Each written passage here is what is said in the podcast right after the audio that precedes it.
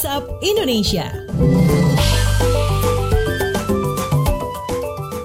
Waktunya kita keliling Indonesia di WhatsApp Indonesia. Kita mulai dari Jakarta untuk mengetahui informasi mengenai persebaran kasus COVID-19 terkini bersama reporter KBR Lea Citra. Selamat pagi.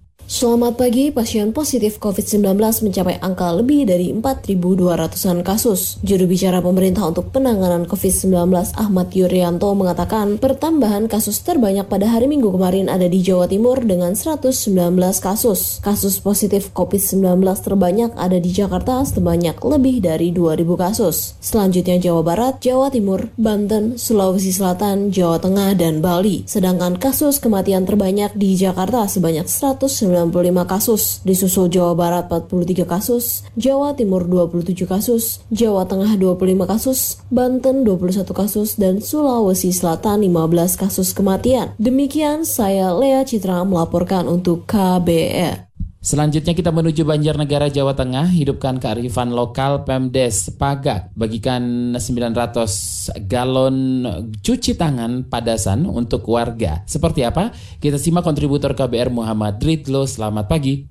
Selamat pagi, Pemdes Paga Kecamatan Kelampok Banjarnegara menganggarkan 160 juta rupiah lebih untuk pencegahan penyebaran COVID-19 di desa tersebut. Kepala Desa Pagak Sudarwo mengatakan dari keseluruhan anggaran itu salah satunya yakni untuk pembelian sebanyak 900 galon air yang digunakan untuk mencuci tangan untuk dibagikan kepada seluruh keluarga di Desa Pagak. Menurut dia, galon air untuk mencuci tangan ini adalah modernisasi dari padasan atau wadah cuci tangan yang lazim dimiliki warga desa pada masa lalu. Sudarwo menjelaskan warga desa dibekali sarana untuk tempat cuci tangan.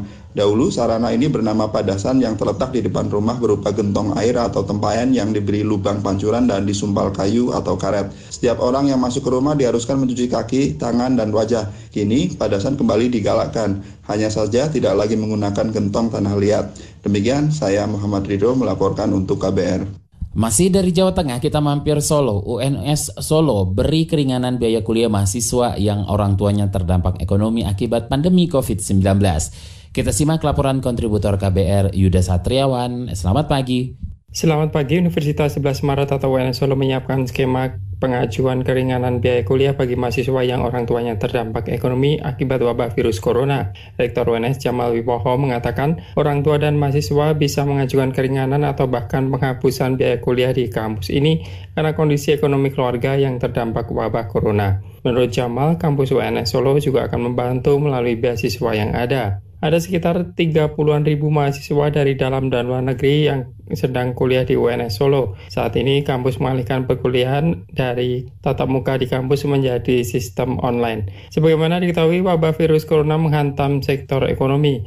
Di Jawa Tengah lebih dari 24 ribu pekerja di PHK atau pemutusan hubungan kerja dan 191 perusahaan dalam kondisi terancam gulung tikar. Demikian saya Yuda Satriawan melaporkan untuk KBR.